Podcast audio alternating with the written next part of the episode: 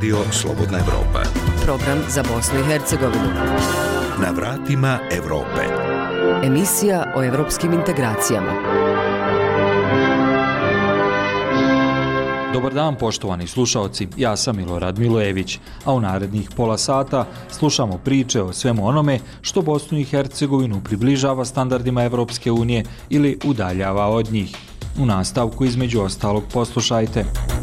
Tokom prošle godine u BiH se dogodilo više od 30.000 saobraćenih nezgoda u kojima je smrtno stradalo 255 lica po prosjeku mnogo više osoba gine u BiH u saobraćenim nesrećama nego u zemljama Evropske unije. Aladin Žunić iz Udruženja za bezbjednost saobraćaja. Mi tražimo modus kako bi doprijeli da utičemo njihovu svijest, da ta porka bude malo dugotrajnija. Na regionalnoj deponiji u Zenici žele da proizvode struju iz sunčeve svjetlosti i deponijskog plina. Direktor deponije Adnan Šabani.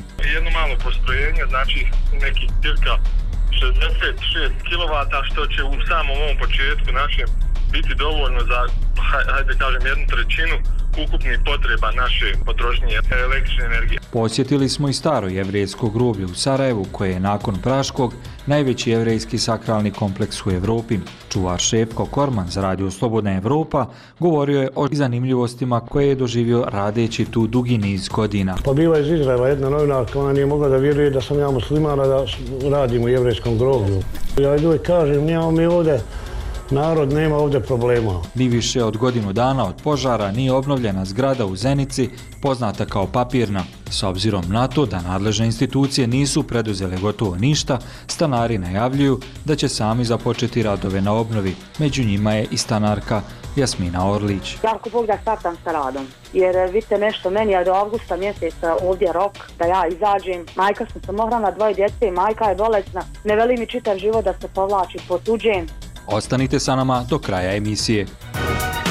Radio Slobodna Evropa. Emisija o evropskim integracijama. Na vratima Evrope. Tokom prošle godine u Bosni i Hercegovini dogodilo se 30.238 saobraćenih nezgoda u kojima je smrtno stradalo 255 lica. Po broju smrtno stradalih u saobraćaju 67 na milion stanovnika, Bosna i Hercegovina je daleko od prosjeka u Evropskoj uniji gdje je 42 poginulih na milion stanovnika. Udruženje za promociju sigurnosti saobraćaja Svaki život je važan nastoji svojim kampanjama povećati stepen sigurnosti na putevima, a pozvano je i u Veliku Britaniju da prezentuje svoj rad i učestvuje u zajedničkoj kampanji. Priča Azre Bajrić. Više od 30.000 saobraćajnih nesreća, 255 poginulih, skoro 10.000 povrijeđenih. Dijelom ove crne BH statistike je i Unsko-Sanski kanton. Adnan Beganović, portparol uprave policije. 2093 saobraćajne nezgode, što je velike broj. U 24 saobraćajne nezgode imali smo 27 poginulih lica. U 113 saobraćajne nezgoda imali smo 136 lica sa E, teškim tjelesnim povredama. U 471. saobraćajnoj nezgodi 727 e, lica je zadobilo lakše tjelesne povrede i imali smo znači 1485 saobraćajnih nezgoda sa materijalnom štetom. U ovi prva četiri mjeseca 2022. godine već imamo zabilježeno znači 582 saobraćajne nezgode, nepropisna brzina i brzina neprilagođena uslovima na putu su jedna od najčešćih uzroka znači zazivanja saobraćajne nezgoda. Potom slijede saobraćajne nezgode nastale pod utjecajem alkohola i drugih opojnih sredstava. Zatim nezgode koji su rezultat radnje vozilom u saobraćaju. Brojke iz crne statistike želi umanjiti udruženje za promociju sigurnosti saobraćaja Svaki život je važan. Brojnim aktivnostima uključilo se u obilježavanje UN-ove globalne sedmice za cestovnu sigurnost. Osnovni cilj kampanje bio je povećanje stepena cestovne sigurnosti sa fokusom na upravljanje brzinama kretanja motornih vozila. Prezentacije su organizirane u nekoliko srednjih škola u Unsko-Sanskom kantonu, a akcenat je bio na edukaciji mladih koji će uskoro postati vozači.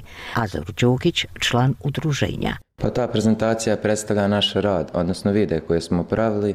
Na ovoj prezentaciji najviše učenika mogu uzrasta, jer najviše treba da osvijestimo mlade o saobraćaju. Ovo što mi radimo smatram da je dobro i da će uroditi plodom. Prezentacija je organizirana i u mašinsko-saobraćajnoj školi u Bihaću. Sanimir Jogić, nastavnik u ovoj školi. Mladi ljudi koji a, ovo pokreću i koji rade, rade jedan izuzetno velik posao i zajednica kao što je naša trebala bi prepoznati i mora, mora dati jedan određeni impuls da se ti ljudi podrže i da se napravi jedan određeni pomak. Enis Hadžović, predstavnik autokuće.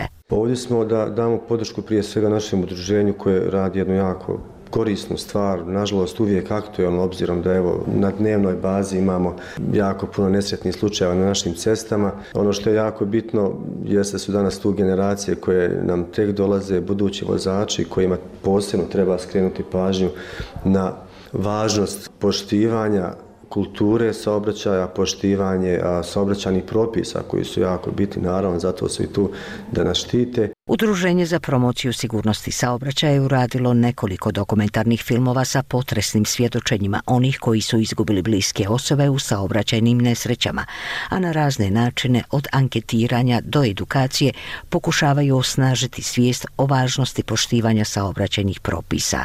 Aladin Žunić, predsjednik udruženja. Reakcije su kratkotrajne i mi tražimo modus kako bi doprijeli da utičemo njihovu svijest, da ta poruka bude malo dugotrajnija, da to nije samo taj trenutak kad on pogledaju video, potresnu priču, da oni izvuku pouku i da duže vrijeme razmišljaju. Rad udruženja je prepoznala organizacija iz Velike Britanije koja realizira sličan program i pozvala je članove udruženja da ih u septembru posjete te da zajedno organiziraju jednu kampanju o značaju sigurnosti u saobraćaju. Za Radio Slobodna Evropa, Azra Bajrić. Na vratima Evrope. Na regionalnoj deponiji u Zenici žele da proizvode struju i sunčeve svjetlosti i deponijskog plina koji namjeravaju iskoristiti i za stvaranje toplotne energije. Iskorištavanje metana je daleko skuplji energetski projekat od instaliranja solarne elektrane. U upravi Zeničke deponije kažu da im je zato potrebno gotovo milion maraka te da se radi o tehnologiji koja se primjenjuje u razvijenim evropskim državama.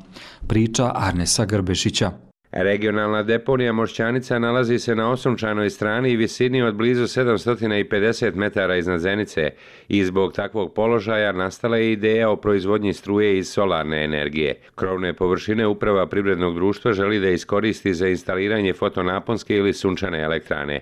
Direktor regionalne deponije Adnan Šabani. Ovo je jedno malo, jedno malo postrojenje, znači neki cirka 66 kW, što će u samom ovom početku našem biti dovoljno za, hajde kažem, jednu trećinu ukupnih potreba naše potrošnje električne energije. Između 40 i 50 hiljada maraka godišnje Zenička deponija izdvaja za plaćanje računa za struju. Vrijednost investicije koja bi trebalo da osigura trećinu potrošene električne energije procijenjena je na oko 90 hiljada maraka.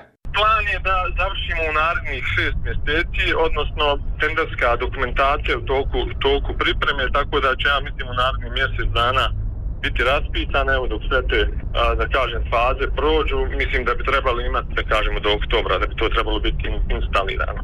I evo imamo i neke informacije da bi trebalo tu imati subvencije, odnosno neka grant sredstva sa strane kantonalnog ministarstva za prostorno uređenje i okoliša tako da evo ićemo i u tom pravcu, tako da ja se iskreno nadam da, da će biti suporta sa, sa te strane. Izgradnja solarne elektrane od 66 kW na Mošćanici je zapravo pilot projekat.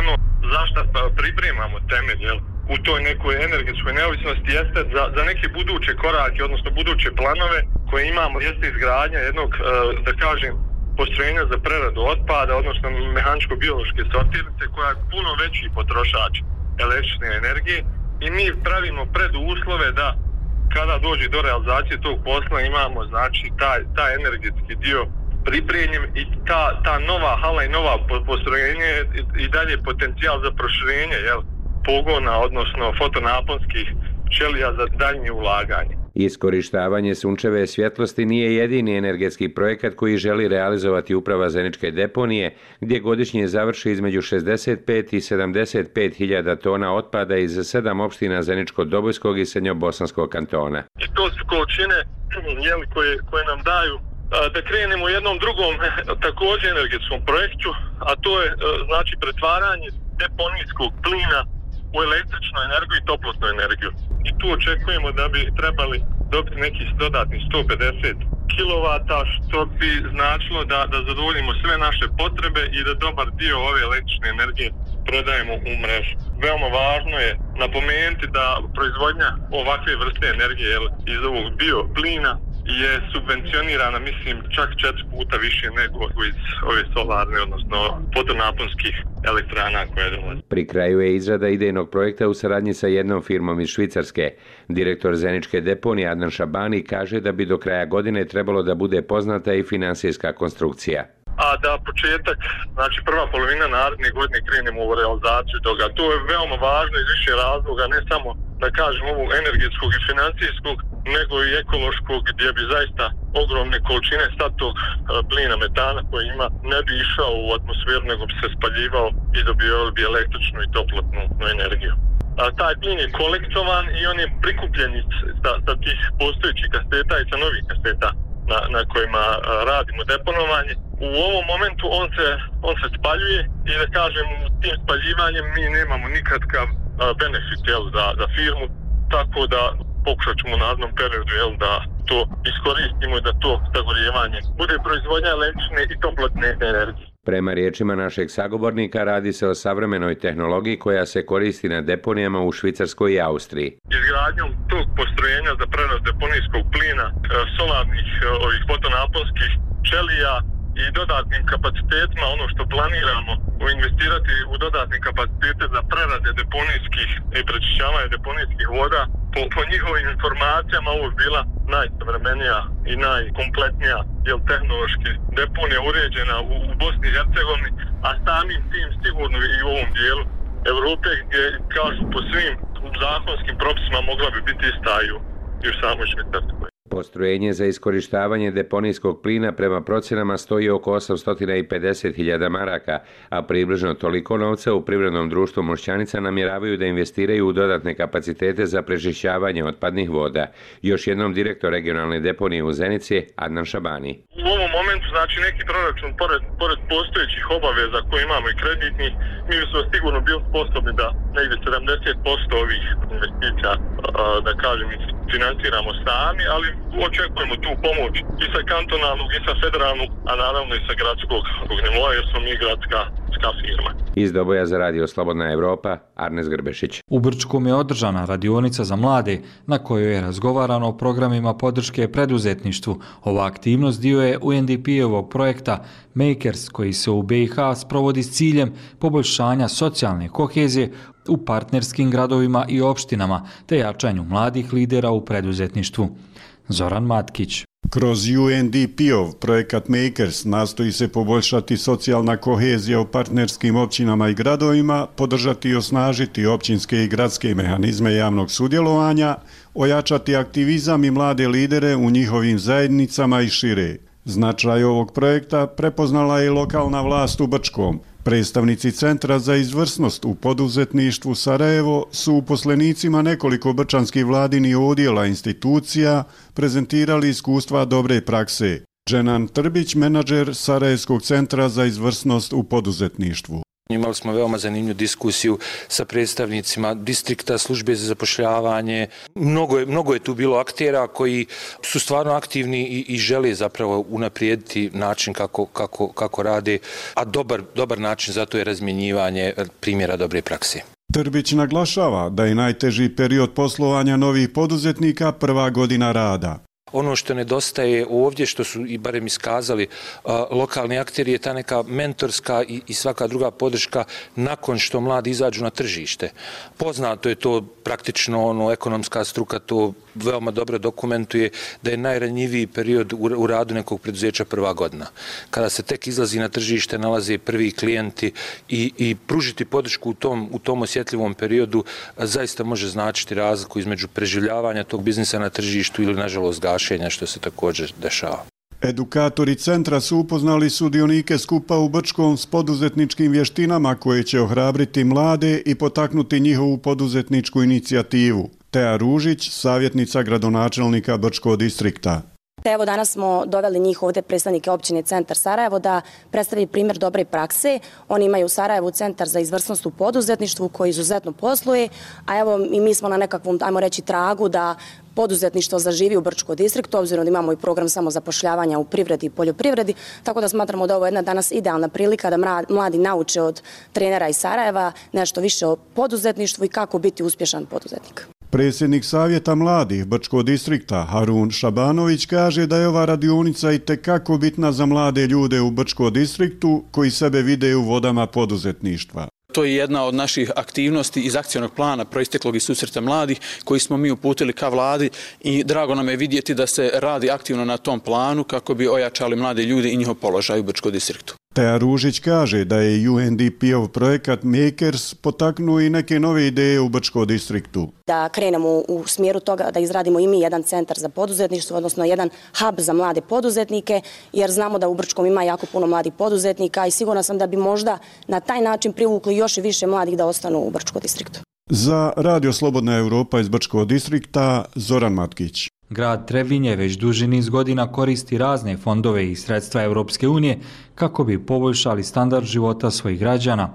Možda je najznačajniji projekat kroz IPA fondove kulturno nasljeđe na granici Bosne i Hercegovine i Crne Gore, gdje su ponovo na Trebišnici zaživjele nekadašnje barke. Nebojša Kolak. Znači, dosta radite na konto projekata sa Europskom unijom. Koliko ste od prilike do sada sproveli projekata gdje financije dolaze iz Evropske unije. Što se tiče projekata Evropske unije, e, veliki broj projekata u ovom momentu važnih za grad e, implementiramo koje e, za Bosnu i Hercegovinu provodi razvojni program Ujedinjenih nacija, UNDP, tako da mi konkretno s njima realizujemo, a sredstva potiču, na primjer, evo pomenut ću jedan projekat upravljanja javnom imovinom Peoples, sredstva su obezbijedili prvenstveno vlada Švedske, vlada Švajcarske i vlada Češke, Drugi projekat MEG gdje su sredstva obezbjeđena e, većim, većim dijelom vlade Švajcarske, također preko UNDP-a Bosne i Hercegovine, grad Trebinje provodi jedan od partnera, partner e, lokalnih zajednica. Pored tih projekata koje sam pomenula, za koje mi u ovom momentu ne znamo njihovu e, novčanu vrijednost, da tako kažem, ali svakako kao gradska administracija smo se odlučili da apliciramo jer očekujemo velike koristi i unapređenje u funkcionisanju funkcionisanju same naše administracije, tako da benefiti će biti višestruki, ali u ovom momentu ja ne mogu da ih izrazim u novčanoj vrijednosti, jer je takvo prosto pravilo donatora. Što se tiče druge vrste projekata koje smo aplicirali prema IPA fondovima, U ovom trenutku realizujemo dva projekta. To je jedan projekat po IPA programu Bosna i Hercegovina, Hrvatska, Crna Gora, gdje imamo partnere iz Herceg Novog, e, opštine Konavle, Ravno, Trebinje i jedna nevladina organizacija ovdje iz Trebinja. Taj projekat se zove Flood and Fire i tu nam je budžet za grad Trebinje oko 369.000 evra i prije svega usmjerenje na efikasniju zaštitu od poplava i požara kroz bolju tehničku opremljenost, bolju i efikasniju saradnju svih partnera u prekograničnom području, bolju obučenost i spremnost ljudi koji se bave ovom oblašću da reaguju u tim kriznim situacijama. Kada govorimo o benefitima iz svih ovih uh, projekata, kada kažem obični ljudi će uvijek razmišljati o onom finansijskom dijelu.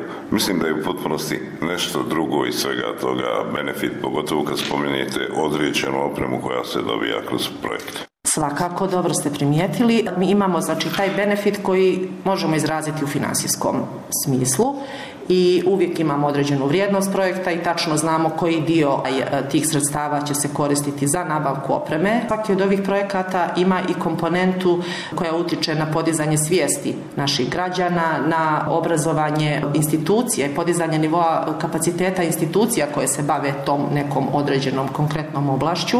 A najveći benefit iz ovih projekata, konkretno iz IPA programa, jeste ta prekogranična saradnja i ti kontakti koji se ostvaruju između između nadležnih službi. Konkretno u ovom jednom projektu ako, koji radimo, koji utiče na zaštitu od poplava i požara, vrlo, vrlo su bitni ti kontakti i taj usaglašeni način djelovanja u slučaju tih kriznih situacija, jer ne trebam reći da požar ne poznaje granice, je tako? Tako da je ta komponenta u suštini najznačajnija. Naravno, pored toga što će naše vatrogasne i spasilačke jedinice dobiti i biti opremljene najmodernijom opremom i na takav način podići kvalitet svoga rada. Ipak je najbitnija ta komponenta koja se ovde pojavljuje u ovim projektima, ta saradnja i to stvaranje međusobnih kontakata i poznanstava. Isremenja za Radio Slobodna Evropa, Nebojša Kolaka.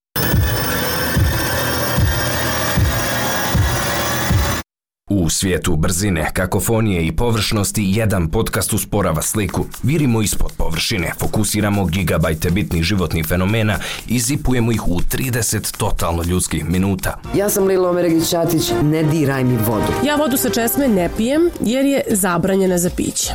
Ja sam Nevena Bogdanović. U pekle je zvijezda, žega je nesnosna, izgore se. Ja sam Predrag Tomović. Pokušavam da odgonetnem kakav to mir živi. Znamo li kuda smo pošli, šta očekujemo i tražimo li... Čini se međutim da je život postao nikada skuplji. ZIP, zaviri ispod površine, podcast Radija Slobodna Evropa, regionalni autorski podcast u kojem svake sedmice pokušavamo da bolje razumijemo ljude, društva, pojave, fenomene svakodnevnog života, ali i one koji koji opstaju kroz život i vrijeme. Šta kažemo mi, šta stručnjaci, a šta vi?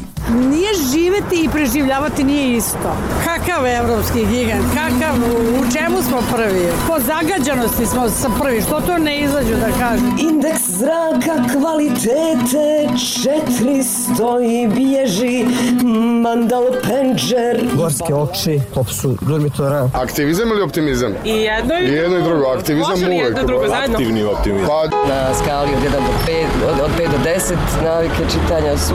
Od 1 do 10, 8. Ne, od 1 do 5, 4. ok. Da dočekam da se vi udate pa da... Baba, to nema veze sa koronom. Mrkvica i luk i salata. Paradajz je isto tu super ono raja. U stvari ne izvozimo ništa nego ovo sunce i ovo more. Nemamo što da izvezimo. I dosta je nesrećno stanje u naciji. Internet je samo skener. Vaš život, vaša odgovornost, vaše tijelo, vaše tijelo i niko s njim ne smije i ne može da raspolaže. Ostavljaš sve iza sebe. To je pakao za svakog čovjeka. Rad je direktni proizvod patriarhata. Slušajte nas svakog ponedjeljka na vašim omiljenim podcast aplikacijama. Staro jevrejsko groblje u Sarajevu je nakon Praškog najveći jevrejski sakralni kompleks u Evropi. Nacionalni je spomenik Bosne i Hercegovine i nalazi se na listi zaštićene svjetske baštine UNESCO-a. Posjetili smo čuvara ovog groblja, Šefku Kormana, koji za Radio Slobodna Evropa govori o životu na groblju i zanimljivostima koje je doživio radeći tu dugi niz godina, zabilježila Šejla Ibrahimović. Šefko Korman s porodicom živi u kapeli na jevrijskom groblju. 17 godina se brine o spomenicima starim četiri vijeka. Kad sam tek došao ovdje, mislili su mnogi da sam jevrijski neki vjerski službenik. Tako da je trebalo jednu godinu dana da saznaju da nisam jevrej, da sam musliman. Pa bila iz Izraela jedna novinarka, ona nije mogla da vjeruje da sam ja musliman, da radim u jevrijskom groblju. Ja idu i kažem, nemamo mi ovdje, narod nema ovdje problema. A to što političari imaju, to je njihova stvar, mi nemamo. Na obroncima iznad centra Sarajeva nalazi se više od 3,5 hiljade spomenika. Ne zna se koliko je sahranjenih jevreja koji su u Bosnu i Hercegovinu u 16. vijeku došli iz Španije. Spomenici na Sarajevskom jevrijskom groblju su jedini na svijetu koji liče na srednjevjekovne bosanske stečke. Tokom opsade Sarajeva jevrijsko groblje je bilo na prvoj liniji, preživjelo je oštećeno i minirano. Tu su bili u kapeli Naši odavde ovamo su bili ovi Srbi, bili su jako blizu. Tranšeja išla ispred kapije i ovamo i ulazila je u kapelu. I ta kapija se nagela kasnije zbog te tranšeje slijeganja. Nagela se onda su došli, ovaj, Njemci su tu donirali pare i onda se kapija ispravila. Vratili su kapiju, napravili je ponovo, a već je bila gotovo da padne. Šefko kaže da je tokom rada na jevrijskom groblju imao susrete sa brojnim poznatim ličnostima. Dolazili su tu Angelina Jolie, Robert De Niro, Penelopa Cruz, Ljubiša Samrđić. Snimali su se filmovi i serije. Dočekao je i ispratio brojne TV ekipe, a i turiste koji su prije pandemije koronavirusa posjećivali jevrijsko groblje u velikom broju. I meni ne smije to uopće što radim na ovakvom groblju. Meni je to ponos da sam ovdje da me ljudi cijene i poštuju zbog toga što sam tu i da do sad za ovih 17 godina nisam nikad imao ni jedan skandal da, sam nešto pogriješio na svom poslu tako da ovaj Nadam se da ni ovi ostali 5 godina koliko još ima do penzije neću pogriješiti. Jevrijsko groblje je 2004. godine proglašeno nacionalnim spomenikom Bosne i Hercegovine, a od 2016. se nalazi na privremenoj listi UNESCO-a. U Jevrijskoj zajednici Bosne i Hercegovine kažu da je potreban značajan novac za restauraciju groblja, nakon čega bi mogli izraditi projekat nominacije za stalnu listu zaštićene svjetske baštine. Iz Sarajeva za Radio Slobodna Evropa, Šejla Ibrahimović. Ni više od godinu dana od požara nije obnovljena zgrada u Zenici poznata kao papirna, čiji stanari već mjesecima plaćaju unajmljene stanove. Ova zgrada ima status nacionalnog spomenika i trebala bi uživati posebnu zaštitu države. Šteta od požara procijenjena je na više od 100.000 evra, a s obzirom na to da nadležne institucije nisu preduzele gotovo ništa, stanari najavljuju da će sami započeti radove. Marija Augustinović 13 mjeseci nakon što joj je u požaru uništen stan, Jasmina Orlić iz Zenice u Srednjoj Bosni započinje radove na sanaciji. Do aprila prošle godine s porodicom je stanovala u zgradi poznatoj kao Papirna, koja ima status nacionalnog spomenika Bosne i Hercegovine. Zajedno s desetak stanara morala je iseliti jer je požar uništio krov zgrade. Nakon niza bezuspješnih obraćanja nadležnim institucijama vlasti da započnu sanaciju, Jasmina kaže da više ne može čekati. Od grada jedinu pomoć smo dobili, to je znači 500.000 maraka. Tu sam ja u zgrade, našla sam stan da budem što bliže. Ja ako Bog da startam sa radom. Jer e, vidite nešto, meni je do avgusta mjeseca ovdje rok da ja izađem. Majka sam sam ohrana dvoje djece, majka je bolesna. Ne veli mi čitav život da se povlačim po tuđem, što kaže, o svojim trošku kredit digni radi na, na, na ovakvom vremenu. Jednostavno mora. Nakon požara u zgradi je ostalo oko 40 stanara koji su uspjeli sačuvati stanove. Jedan od njih je Ismet Talić. Znači nije rađeno ništa sem toga što su prije par mjeseci ti oštećeni stanari već vidjeli da se uništavaju stanovi ispod njih. Sve što padne kiše na tavan, ona prolazi u niže stratove i ništava te stanove. I onda su oni odlučili da nabaci najlon, da zaštite bar te donje stanove. Graditeljska cijelina nekadašnje fabrike papira u Zenici proglašena je nacionalnim spomenikom 2012. godine odlukom Komisije za očuvanje nacionalnih spomenika. Prema postojećim propisima izdavanje odobrenja za rekonstrukciju i sanaciju nacionalnih spomenika u nadležnosti je resornih entitetskih ministarstava.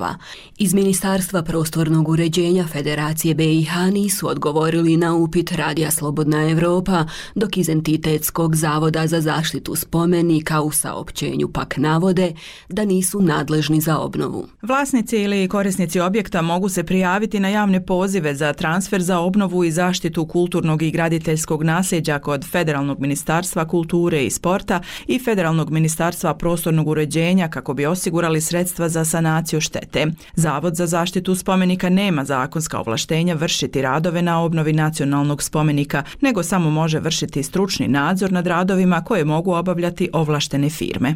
Vlasnik zgrade Papirna je rudnik Mrkog uglja u Zenici. Direktor Edin Mujičić kaže za Radio Slobodna Evropa da zbog poreskih dugovanja rudnik ne može aplicirati na poziv federalnih institucija za obnovu nacionalnih spomenika. Budući da je rudnik onaj u problemima financijskim već duže vremena, onaj, bukvalno smo na rubu opstanka, nismo mogli obezvijeti adekvatna sredstva. Arheolog Enver Imamović ocjenjuje da je zgrada papirna u Zenici dobar pokazatelj odnosa nadležnih institucija prema kulturnom blagu. Stanari koji unutra stanuju, čekajući se ne mogu čekati, je tako ko požar je zgrade ostala bez krova i on se sada sami počeli to da saniraju i ja tako jedan po jedan spomenik nestaje, nažalost, pred našim, našim očima od današnje vrijeme. Bosna i Hercegovina ima više od 900 nacionalnih spomenika. Zbog nezakonite izgradnje i neadekvatne zaštite, više od 85 ih se nalazi na listi ugroženih dobara. Za Radio Slobodna Evropa, Marija Augustinović.